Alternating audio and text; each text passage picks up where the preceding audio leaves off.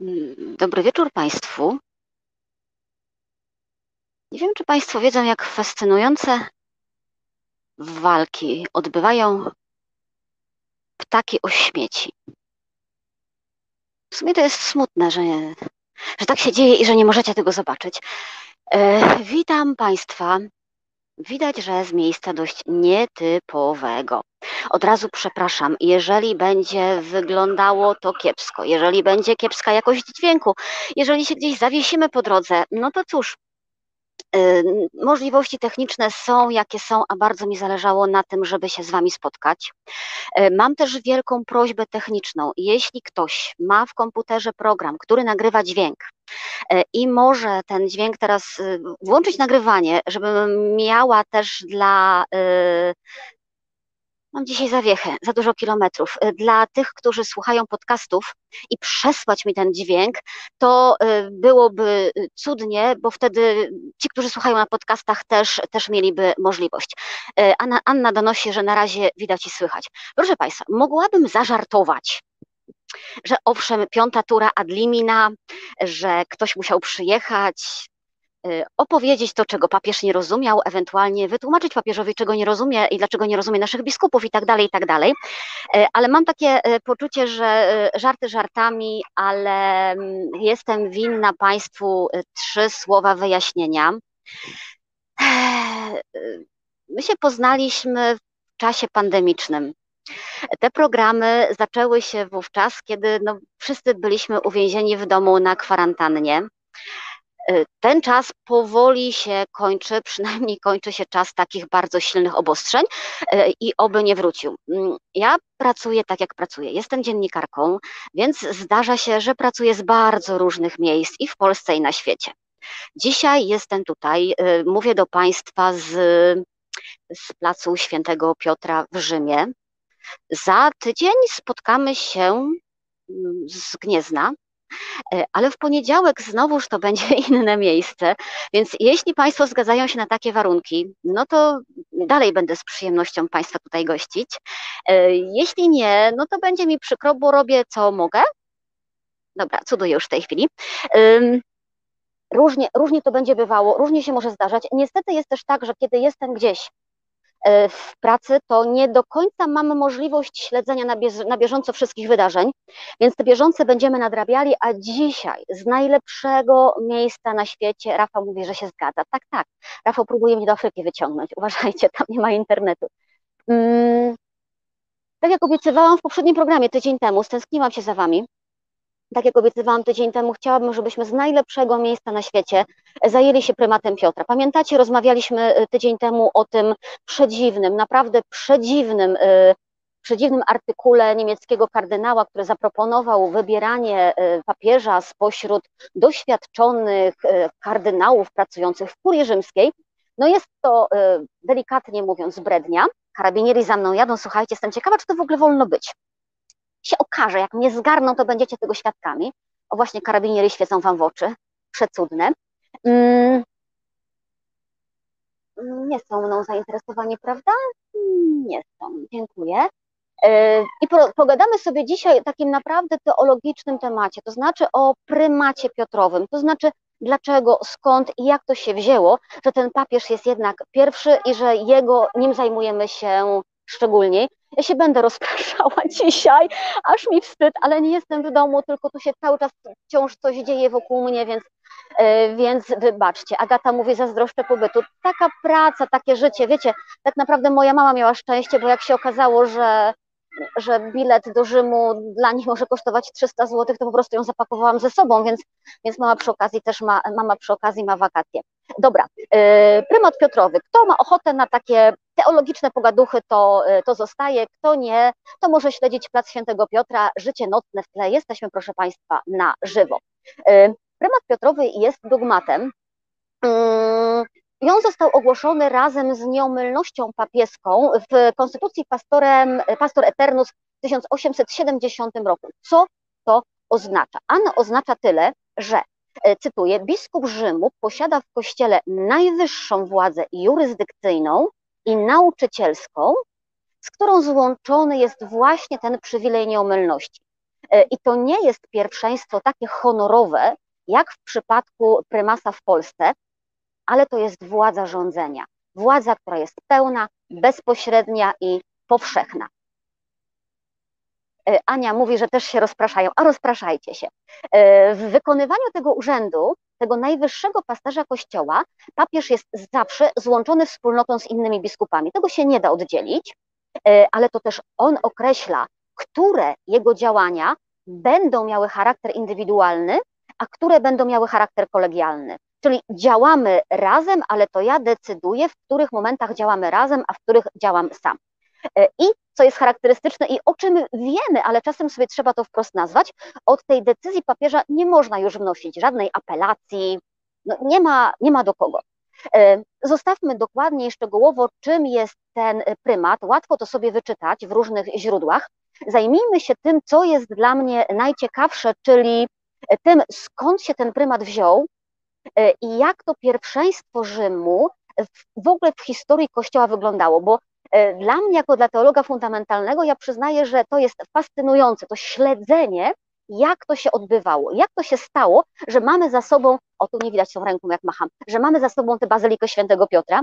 Swoją drogą, tak już poza, e, poza tym, co mam przygotowane, powiem Wam, że chodziłam sobie tutaj po tych uliczkach wokół Watykanu i pomyślałam, że to jest trochę dziwne, że tym miejscu umierał święty Piotr Apostoł, tu niedaleko umierał święty Paweł, a my z tego zrobiliśmy trochę festyn. Rozumiecie? Figurki, szaliki z napisem Roma i tego typu historie. I to takie to zderzenie tego dawnego cyrku i tej śmierci i tego festynu, który się obok dzieje, jest dla mnie przedziwne. Ale dobra, lecimy od Piotra. E, Mariusz, a Dariusz Godawa, misja kamerą, tym razem trochę bliżej nas. Już dzisiaj wspominałam, że mnie tam Rafał próbuje ściągnąć. Dobra, E, zaczynamy od świętego Piotra. Okazuje się, że już, jak się dobrze wczytać, to już Nowy Testament tego świętego Piotra pokazuje zupełnie inaczej niż innych apostołów. I że on w tych wszystkich opowieściach, o których mówiliśmy, które się składały na Ewangelię, że on musiał być pokazywany już kiedy opowiadano jako ktoś wyjątkowy. Po pierwsze, najstarsza wzmianka, jaka jest o świętym Piotrze w pierwszym mieście do Koryntian, jest o ukazywaniu się Jezusa po zmartwychwstaniu. I czytamy tam wprost, że ukazał się najpierw Kefasowi, a potem dwunastu. To znaczy, że Piotr był uważany za tego pierwszego świadka zmartwychwstania. Potem Łukasz będzie pisał o nim y, dokładnie w ten sam sposób.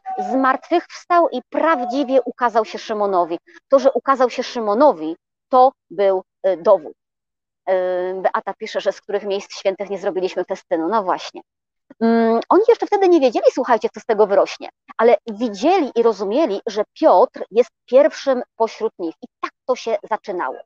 Trochę później, około 57 roku, kiedy Paweł pisał list do Galatów, e, trwał wielki spór, który decydował bardzo mocno o przyszłości Kościoła. E, czy ci, już wspominaliśmy chyba sobie kiedyś o tym, czy ci, którzy byli poganami, a chcieli przyjąć chrześcijaństwo, nie byli Żydami, mają się obrzezać i zachowywać święta żydowskie, czy nie muszą? Dla nas dzisiaj ta odpowiedź jest oczywista, ale ona jest oczywista właśnie dlatego, że ten spór wtedy wybuchł, że wtedy oczywista nie była. Przecież i Jezus, i apostołowie, no, byli pobożnymi Żydami, tak, przestrzegającymi zasad prawa. I rozpoczęła się taka debata, która skończyła się pierwszym soborem w Jerozolimie, ale wtedy właśnie już Paweł odpowiadał, pamiętacie, Paweł nie spotkał Jezusa mm, za jego życia przed, przed śmiercią. I wtedy Paweł odpowiadał jasno, musimy się opierać na autorytecie Piotra. I on sam, Paweł, po nawróceniu też poszedł do Piotra, żeby go poznać. Potem się spotkali na Soborze Jerozolimskim. Potem spotkali się w Antiochii, tam się nadal ten spór o przestrzegania prawa kończył. W Antiochii jeszcze o to, czy, czy trzeba jeść z regułami judaizmu i tak dalej, i tak dalej. Potem każda z Ewangelii przedstawia, o, ja cierpnę, wiecie, siedzę na ziemi. Cóż za poświęcenie. 13 kilometrów dzisiaj zrobiłam, a teraz na ziemi siedzę. 45 lat. E, na czym dzisiaj tę sukcesję Piotrową e, budujemy? E, jakie racje dzisiaj będą przemawiały za tym, że właśnie biskup Rzymu tutaj w tym miejscu jest pierwszy? Na początku istnienia Kościoła ten Rzym wcale nie był taki najważniejszy, on wcale nie był największy. Było dużo innych równie ważnych wspólnot. Tak? Była Jerozolima, była Antiochia, była Aleksandria, był Konstantynopol. To nie było takie proste, że a to jest stolica imperium, to zróbmy go sobie stolicą chrześcijaństwa. Wcale nie. Okej, okay. Piotr poniósł tutaj śmierć. Uach. Przepraszam, to dzisiaj nie będzie wyglądało najlepiej, musicie wybaczyć. Tutaj jest jego grób i kult, który wokół tego grobu zaczął się w zasadzie natychmiast. E, zabezpieczono ten grób. Mm, zaraz pojawiły się różnego rodzaju napisy i graffiti. E, w Rzymie się łączą misje Piotra i Pawła, o tym też trzeba pamiętać. E, przez ich ewangelizowanie tutaj, przez ich śmierć w tym miejscu, przez ich groby w tym miejscu. Słuchajcie, ad limina apostolorum, ja się tu śmiałam z tej piątej tury, ale ad limina apostolorum e, pielgrzymowali od samego początku Kościoła nie tylko biskupi jak dzisiaj, ale po prostu chrześcijanie. E, I działo się to jeszcze przed czasami Konstantyna Wielkiego, jeszcze przed 313 rokiem, jeszcze przed tym, zanim e, chrześcijaństwo stało się religią legalną. No, możemy się śmiać, tak jak mówię, z tej, z tej piątej tury ad limina, ale to wcale nie jest takie głupie, słuchajcie, bo ad limina, no to jest dla nas wszystkich. No, nie wpuszczą nas do kongregacji, e, nie wpuszczą nas do papieża zapewne, ale do grobów apostołów każdy z nas przyjeżdżać może i o to tak naprawdę tutaj chodzi. I do tego, do tej ważności grobów, grobu Piotra, który jest za mną, e, dochodzi też takie przekonanie pierwszych chrześcijan, że kiedy chrześcijaństwo dotarło do tej stolicy imperium, to wtedy dopiero Kościół stał się naprawdę powszechny. Kościół wtedy dopiero stał się naprawdę katolicki, bo on symbolicznie trochę objął już wszystkich. I ten Rzym, w którym jesteśmy, jest symbolem wszystkich, jest symbolem całego świata. No a potem kolejni ojcowie apostolscy, wszyscy inni to pierwszeństwo potwierdzali, odwołując się do Rzymu. No i o tym też sobie jeszcze dzisiaj powiemy. Jeśli chodzi o Rzym i o działalność świętego Piotra, słuchajcie, to trzeba sobie jasno powiedzieć, że y, święty Piotr kościoła w Rzymie wcale nie zakładał i święty Piotr kościoła w Rzymie wcale nie ewangelizował. W czasach, kiedy cesarz Klaudiusz wyrzucał z Rzymu Żydów, tak o nich pisał Swetoniusz, E, Żydów za to, że wichrzą podżeganie przez niejakiego Chrystosa, to Piotr i Paweł w tym czasie byli jeszcze na Soborze Jerozolimskim i żaden z nich o Rzymie nawet nie pomyślał. Potem jeszcze Paweł zdążył w Koryncie spotkać Pryskę i Akwillę, którzy stąd z Rzymu byli wyrzuceni za chrześcijaństwo, więc ani Paweł, ani Piotr czasie, kiedy chrześcijaństwo się w Rzymie pojawiło, oni jeszcze tutaj być nie mogli, więc nie od nich się to tutaj zaczęło, chociaż ważnymi ewangelizatorami byli, to nie byli pierwsi. No bez wątpienia Piotr w Rzymie był. Przewidziałam wszystko, światło, mikrofon, ale tego, że kości mnie będą bolały, to nie. E, w Rzymie Piotr bez wątpienia był. W liście mm, świętego Piotra mamy zapisane, że są pozdrowienia z Babilonu. E, chrześcijanie właśnie w ten sposób określali, nazywali Rzym e, i nawet jeżeli autorem tego listu nie jest Piotr, to ktoś, kto właśnie tak ten list adresował i podpisywał, no musiał mieć podstawy, żeby, żeby taki adres tej korespondencji właśnie nadawać. Potem Klemens Rzymski, potem Klemens Rzymski pisząc do kościoła w Koryncie też potwierdza, że tutaj działali i umarli obaj e, apostołowie. Jak to dobrze, że mnie tutaj nie rozumie. E, posłuchajcie, rozważmy szlachetne przykłady ludzi z naszego własnego pokolenia, Klemens Rzymski. Z powodu zazdrości i zawiści, najwięksi i najwspanialsi z nich, prawdziwe kolumny, zaznali wielu prześladowań i potykali się aż do śmierci. Popatrzmy na świętych apostołów. Piotra nie raz i nie dwa, ale wiele razy spotkała ciężka próba z powodu niegodziwej zazdrości, a złożywszy w ten sposób swoje świadectwo, odszedł do chwały, na którą sobie dobrze zasłużył. Przez zazdrość i niezgodę również Paweł znalazł sposobność, aby nam wskazać, jaka jest nagroda wytrwania. Joanna mówi, że dzisiaj było o Ewang- w Ewangelii, ale to chyba nie o tym. Dobra, e, nie dam rady waszych komentarzy czytać. Potem Tertulian prost już pisze o śmierci krzyżowej Piotra. Fakt, że Piotr jest bity, Stefan ginie pod kamieniami, Jakub jest ofiarowany, a Paweł jest wleczony, to zostało zapisane ich krwią. Jeśli by jednak heretyk chciał wiarygodnych dokumentów tego, co mówią o tym cesarskie źródła i kamienie Jerozolimy, czytamy w żywotach Cezarów, że Neron był pierwszy, który powstającą w Rzymie wiarę zdusił we krwi. Wtedy Piotr, rzeczywiście opasany przez innego, został przybity do krzyża. Z kultem grobu świętego Piotra to w ogóle jest ciekawa historia. Pierwszy o tym kulcie, słuchajcie, napisał e, Gaius, to jest rzymski prezbiter, oczywiście w takim piśmie polemicznym, apologetycznym, jak tam je nazwiemy, dyskutując z montanistą Proklusem. E, montaniści to było takie ugrupowanie, które odrzucało zwierzchnią władzę e, i czekało na taki koniec świata tuż, tuż, tuż za chwilę. Tacy charyzmatycy i apokaliptycy jednocześnie. No i ten Gaius pisze do tych montanistów. Co do mnie, mogę Ci pokazać znaki zwycięstwa apostołów. Czy chcesz iść na Watykan, czy na drogę wiodącą do Ostii, znajdziesz znaki tych, którzy założyli ten kościół. No i przypuszcza się, że ten znak w Watykanie, to chcesz iść na Watykan, to właśnie chodzi o, tak to muszę pokazać, grób świętego Piotra, a przy drodze do Ostii jest oczywiście grób świętego Pawła. Stamtąd nie będę nadawała, bo tam się nie da dojechać o tej porze. E, o tym pierwszym kulcie mówią nam też wykopaliska, które prowadzimy. E, one były prowadzone najpierw w latach 40. XX wieku, a potem od 53 do 63 roku, e, roku 1963 oczywiście. Na Watykanie cesarz Caligula wybudował cyrk. I to było gdzieś przed 41 rokiem. Potem Neron ten cyrk przebudował i kiedy Neron prześladował chrześcijan, większość z nich ginęła właśnie w tym cyrku, tam za nami. E, I w tym cyrku na wzgórzu watykańskim zginął również święty Piotr, no i został pochowany w pobliżu, po prostu.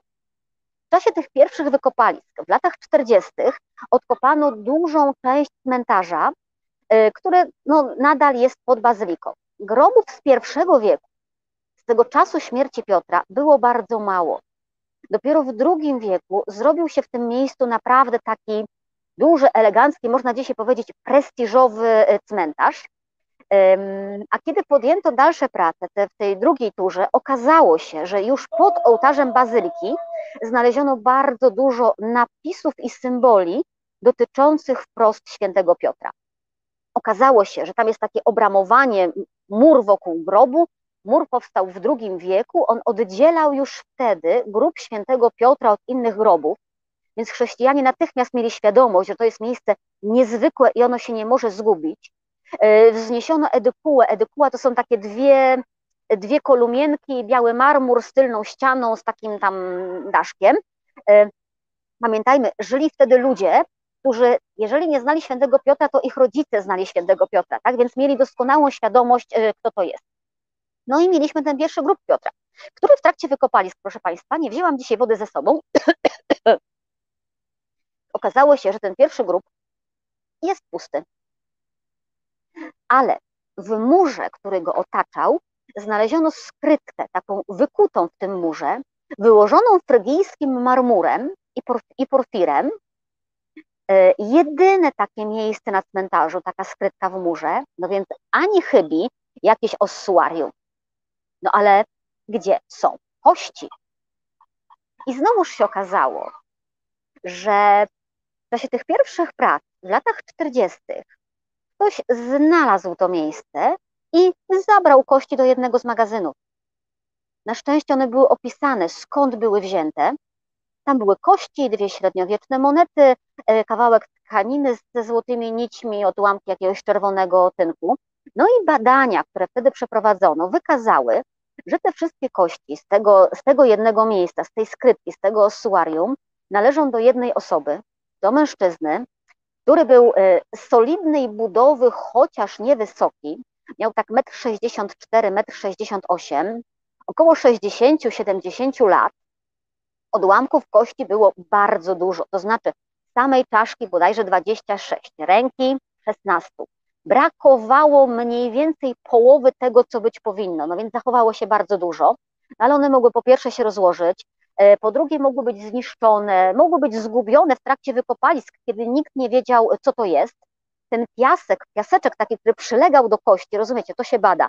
Piasek, który przylegał do kości, świadczy o tym, że one początkowo spoczywały w ziemskim grobie, normalnie pochowane. No tak właśnie pochowane był święty Piotr, z tego co wiemy.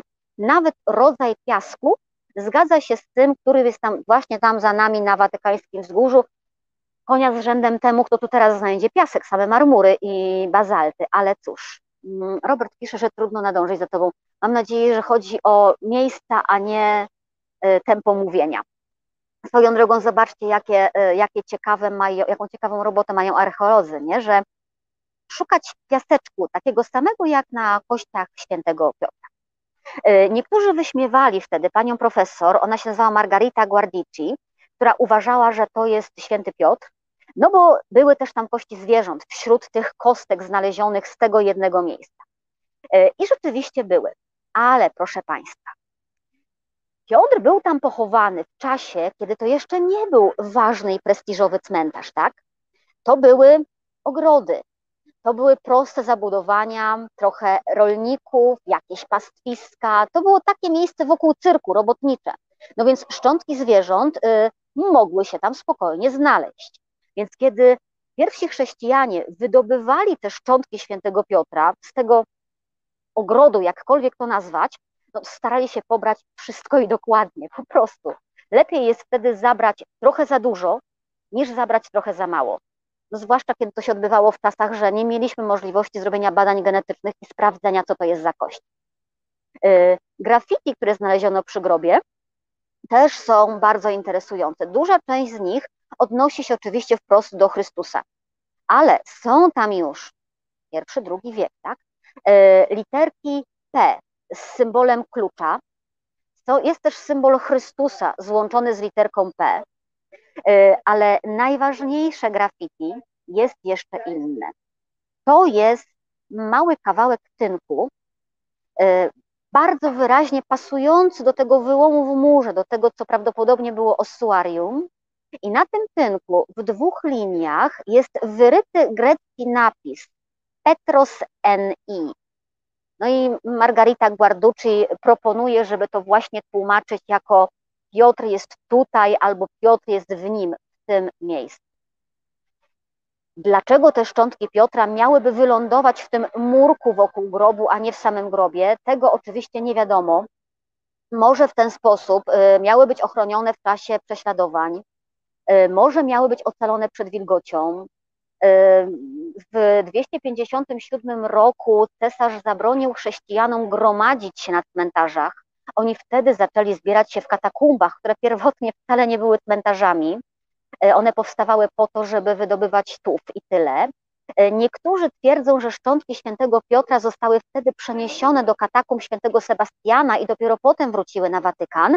E, inni mówią, że ten kult w katakumbach był tylko, był tylko kultem zastępczym i że one nadal były tam schowane w tym murze. W każdym razie, za Pawła VI, po przeprowadzeniu wszystkich tych badań, szczątki podzielono wokół części szkieletu, zapakowano w takich 19 e, kasetek z plexiglasu, opieczętowano i pochowano w tym dawnym murze, który dziś no, znajduje się pod ołtarzem Bazyliki Świętego Piotra.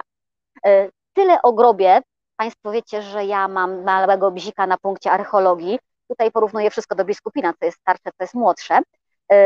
Ale to pokazuje, jakim pietyzmem był ten grób świętego Piotra otoczony w zasadzie od samego początku i że Piotr nawet po śmierci wciąż był e, traktowany jako pierwszy, najważniejszy, szczególny z apostołów. No ale Piotr Piotrem, nie? Piotr był ważny, to wiadomo. Ale jak to się stało, że Kościół w Rzymie stał się pierwszy? Że ten prymat całego Rzymu nastąpił, że to się stało jakby dziedziczne z biskupa Rzymu na biskupa Rzymu. No i ta droga tutaj była dość y, duża.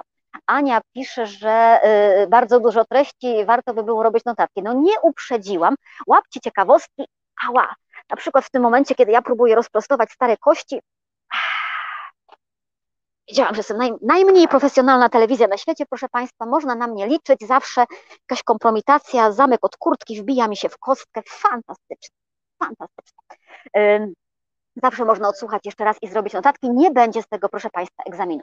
E, sprawdzamy teraz, jak to się stało, że ten Kościół rzymski stał się taki ważny, że my tak, taką wielką wagę przywiązujemy do tego, kto ma być biskupem Rzymu. Idziemy na przełom I i II wieku. Święty Ignacy Antiocheński, którego uwielbiam. Zobaczymy, czy do niego jeszcze tutaj uda nam się wrócić, e, czy nie. On około 107 roku pisał list właśnie do Rzymian. I posłuchajcie, żaden, żaden z listów Ignacego nie ma tak rozbudowanego i tak uroczystego adresu, mm, jak ten Ignacego. Ignacy jest naprawdę wielkim biskupem. I on do kościoła w Rzymie zwraca się takim naprawdę niezwykłym szacunkiem. Jestem zdeprymowana, jakiś ptak do mnie idzie. Jest wielki i się na mnie gapi. Y, I on nie pisze do konkretnego biskupa. On pisze do wspólnoty w Rzymie. Posłuchajcie. Brzmi to tak. Ignacy, zwany też Teoforem, do Kościoła, obdarzonego miłosierdziem przez hojność Najwyższego Ojca i Jego jedynego Syna, Kościoła wielce umiłowanego i oświeconego w woli tego, z którego woli istnieje wszystko, co istnieje. Kościoła, który przewodzi w krainie Rzymian, godny Boga, godny czci, godny błogosławieństw, godny pochwały, godny powodzenia, godny czystości i przewodzący w miłości, naznaczony prawem Chrystusa i imieniem Ojca, pozdrawiam go w imię Jezusa Chrystusa. Ważne tu jest szczególnie mm, to słowo przewodzący w miłości. I warto to sobie zapamiętać swoją drogą, na czym kiedyś tak to chrześcijaństwo i władza w kościele polegała. Przewodzący w miłości. E, widać wyraźnie, że tutaj nie ma absolutnie żadnej mowy o, o rządzeniu innymi wspólnotami. Chodziło właśnie i tylko o to przewodzenie w miłości, czyli o bycie pierwszym w. Szło, poszło.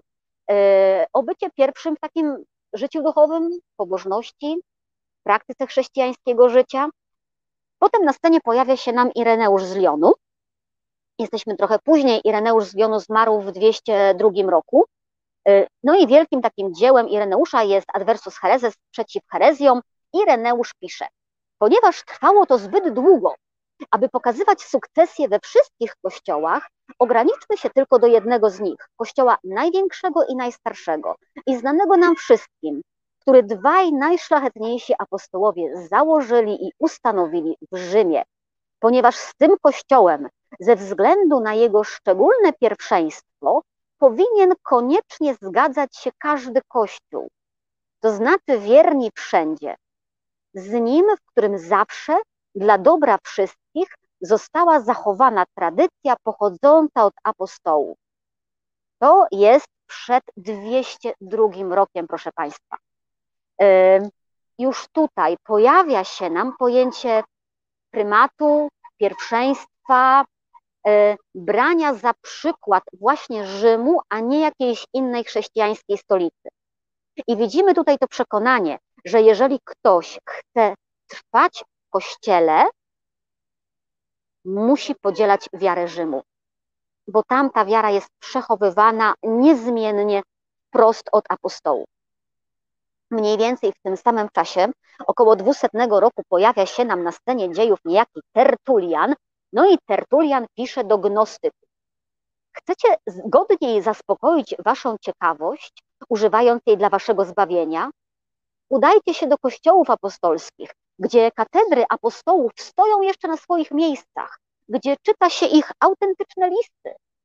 E, jeśli jesteście blisko Achai, macie Koryn. E, jesteście blisko Macedonii, macie Filippi. Jeśli udacie się do Azji, macie Efes. Jeśli jesteście na pograniczu Italii, macie Rzym, którego autorytet również nam służy za oparcie. Szczęśliwy to Kościół. Wraz z krwią apostołowie przelali w niego całą swoją naukę. Piotr poniósł w nim męczeństwo podobne do Pana, Paweł został skazany na śmierć podobną do Janowej. Tu już nie ma wątpliwości, jak Tertulian rozumie Kościół w Rzymie. To jest gwarancja prawdziwej nauki apostolskiej. Zobaczcie, nam to dzisiaj y, chyba trochę umyka. Umyka nam, bo żyjemy w tak zwanej globalnej wiosce, bo mamy internet, bo mamy tak naprawdę przygotowane katechizmy. Ale wtedy, w tamtym czasie, była no, zupełnie inna komunikacja, tak? Przekazywano sobie opowieści trochę na zasadzie głuchego telefonu, co się będziemy oszukiwać. I dlatego niezwykle ważne było to, żeby niczego nie zgubić, żeby niczego nie pomylić, żeby niczego nie przekręcić, żeby się nie dać nabrać na żadnych fałszywych proroków. Dlatego ta odpowiedź tutaj była jednocześnie prosta, ale też bardzo, bardzo ważna. Jaka wiara jest prawdziwa? Ta, którą wyznaje Kościół w Rzymie. Kto się nie myli w wierze? Kościół w Rzymie. Chcesz wiedzieć, czy to, co mówisz o Chrystusie, jest prawdziwe? Idź do Kościoła w Rzymie. Amen. Nie ma innego kryterium. Ale nie tylko inne kościoły, słuchajcie, powoływały się na autorytet Rzymu. E, również Kościół w Rzymie miał taką świadomość tego swojego pierwszeństwa, e, ale pierwszeństwa w sensie posługi jedności, bo to o to chodziło, i takiej odpowiedzialności, a broń Boże nie jakiejś władzy, bo to nie było to. I już pod koniec I wieku, e, już pod koniec I wieku mm, Kościół w Rzymie podejmował inicjatywy dotyczące innych kościołów. Że to już nie było tak, że każdy kościół rządzi się sam sobą, tylko Rzym już gdzieś tutaj próbował w niektóre rzeczy wypowiadać się, przynajmniej jeżeli nie ingerować. Mamy Klemensa Rzymskiego po raz drugi. E, Klemens pisze do kościoła w Koryncie. Tam się w Koryncie kroiła schizma, więc Klemens postanowił wtedy interweniować. Ale zobaczcie, nam się tak łatwo mówi, nie? Z Klemens Rzymski interweniować w Koryncie, a zerknijcie na mapę. Bo ja tak w ciągu miesiąca, nie? Z tych Aten tutaj. Ale zobaczcie, jaka to jest odległość w tamtych, w tamtych czasach. E, I Klemens pisał, jeśli ktoś odmówi posłuszeństwa słowom, jakie Bóg przez nas do niego zwraca, przez nas, przez Kościół w Rzymie, niech wie, że niemałą ponosi winę. To nie jest jeszcze nakładanie żadnych sankcji, broń Boże, to jest takie upomnienie, ale bardzo zdecydowanym językiem, tak? Takie upomnienie z mocą. Zwłaszcza, że Korynt, musimy pamiętać, to nie był kościół byle jaki, to też był kościół apostolski, to był kościół wyrastający wprost ze świętego Pawła. Tu optymistycznie ściągnęłam kurtkę z siebie, słuchajcie, ale raz, jeszcze się robi zimno na tym placu I jeszcze wyraźniej ten rzymski y, prymat objawił się kiedy pojawił się problem, jak w Kościele katolickim będziemy świętować Wielkanoc. Chodziło o datę. Oczywiście, datę śmierci Jezusa y, dzienną znamy. To była Wigilia Paschy 33 roku. Y, łatwo jest ją tutaj ustalić. Znamy fazy księżyca, wiemy jak wyglądała Pascha, że była związana z pierwszą wiosenną pełnią księżyca.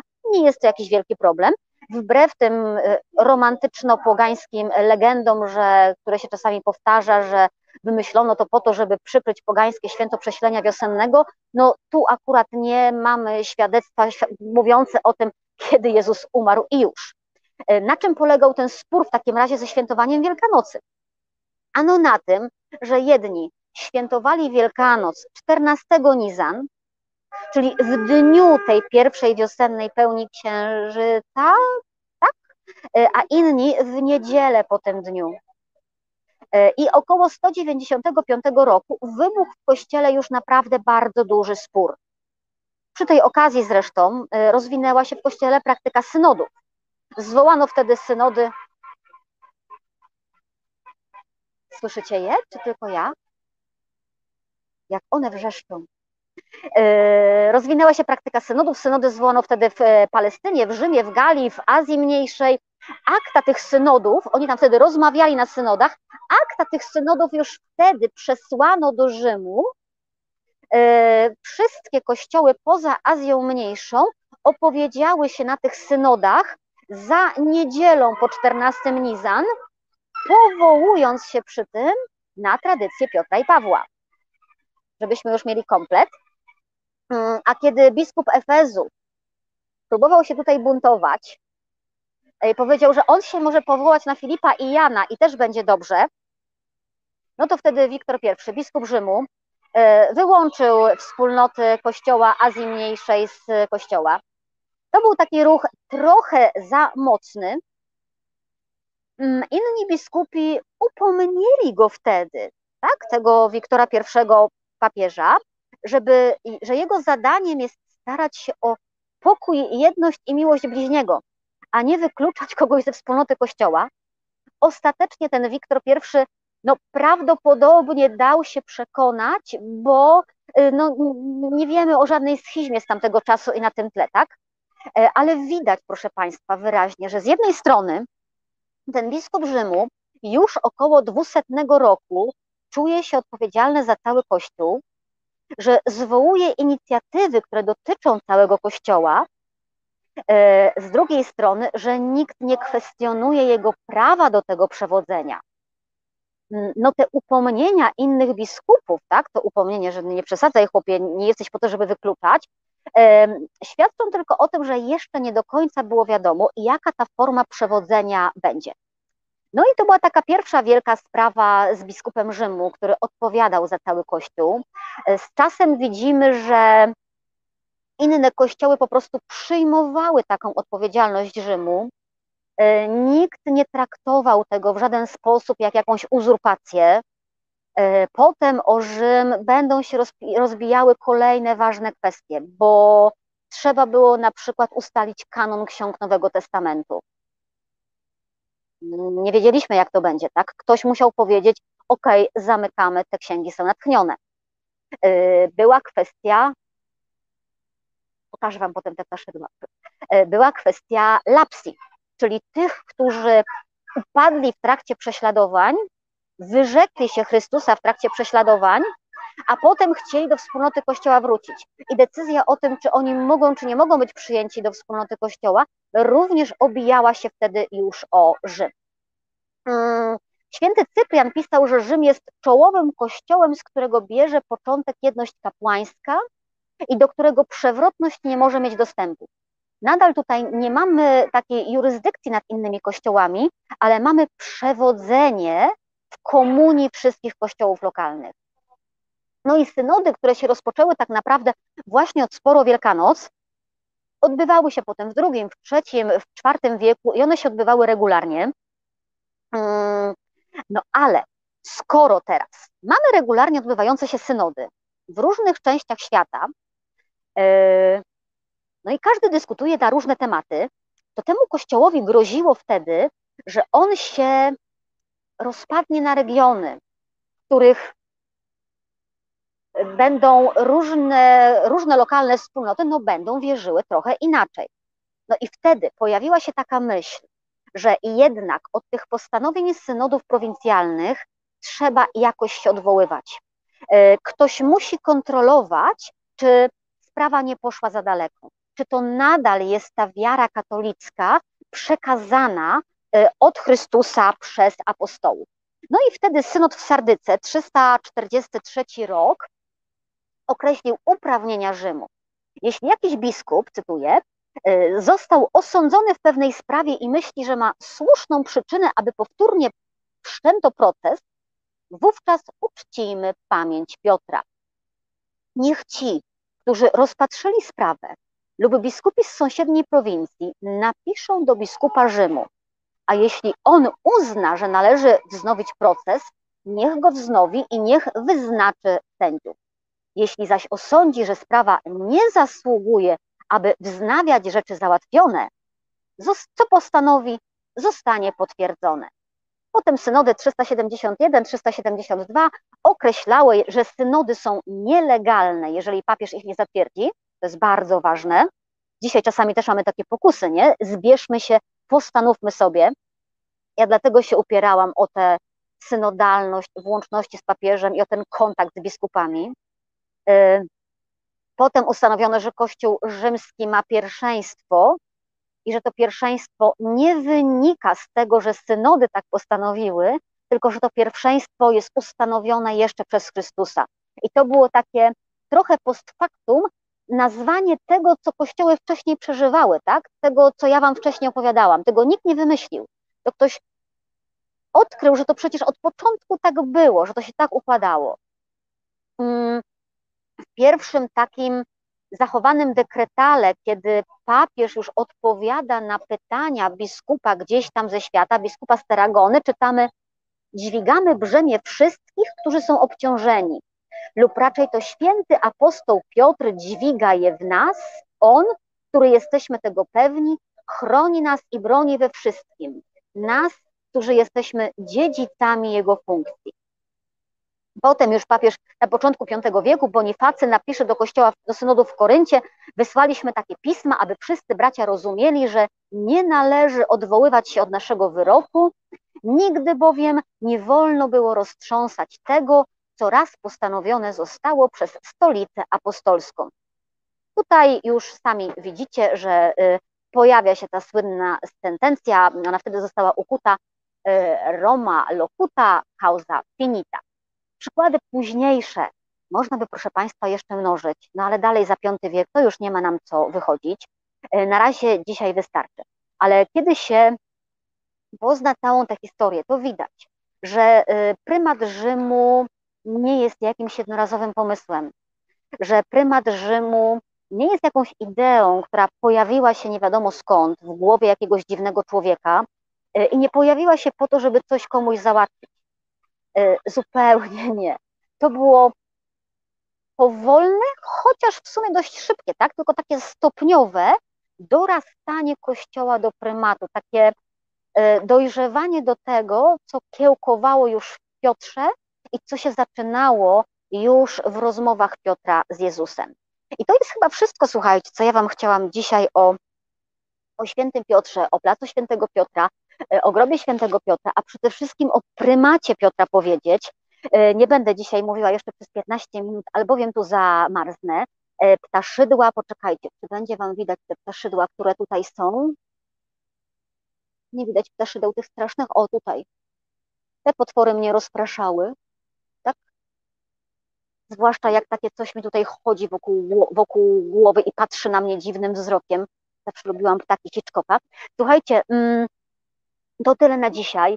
E, jeśli macie jakieś pytania, bo ja planowałam na poniedziałek zrobić taki program wspominkowo-zaduszkowy jeszcze, ale jeżeli macie jakieś pytania, jakieś pomysły, pytania czy do mnie, czy, czy o Rzym, czy jakiekolwiek, to proszę podrzucić je w komentarzach, a najlepiej by było pod jakimś zbiorczym postem albo w wiadomościach na Facebooku, bo tam je na pewno przeczytam.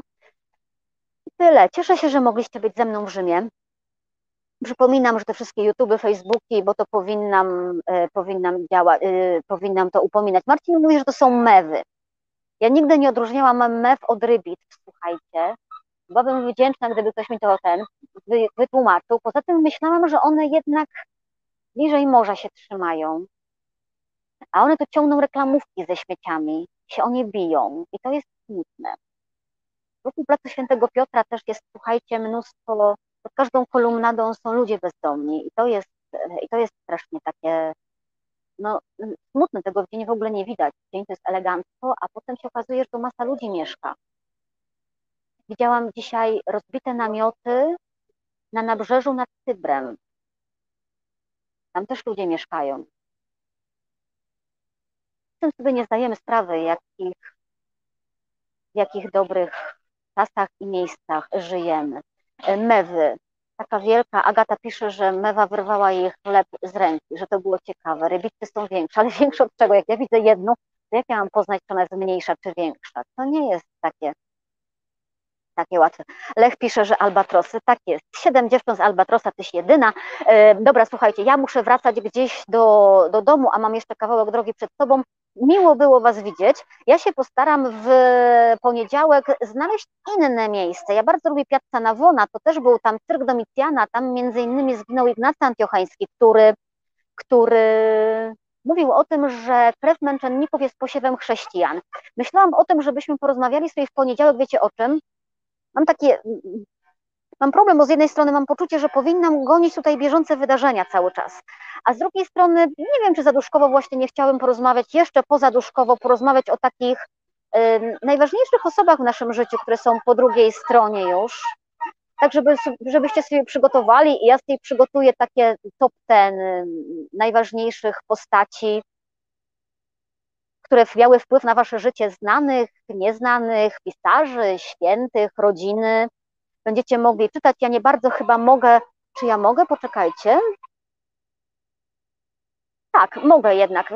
Nie przepraszam, z telefonu daję. Mogę wtedy podrzucać Wasze komentarze też. Myślę, że może z tego wyjść, wyjść fajny, fajny program. E, Urszula mówi, że może katakumby. No nie, bo o 21.15 po prostu mnie nikt do katakumb nie wpuści. Takiej możliwości nie ma. Ja mogę tylko usiąść na jakimś publicznym placu i czekać, że internet wytrzyma. Także czekajcie, zobaczymy, gdzie, skąd się spotkamy, e, skąd się spotkamy w, w poniedziałek. E, Cieszę się, że mogliście być ze mną w Rzymie, to już mówiłam. Trzymajcie się ciepło. To był y, dziwny, nietypowy program, reportaż z wycinków świata, prosto z Rzymu. Monika Białkowska. Dobrej nocy.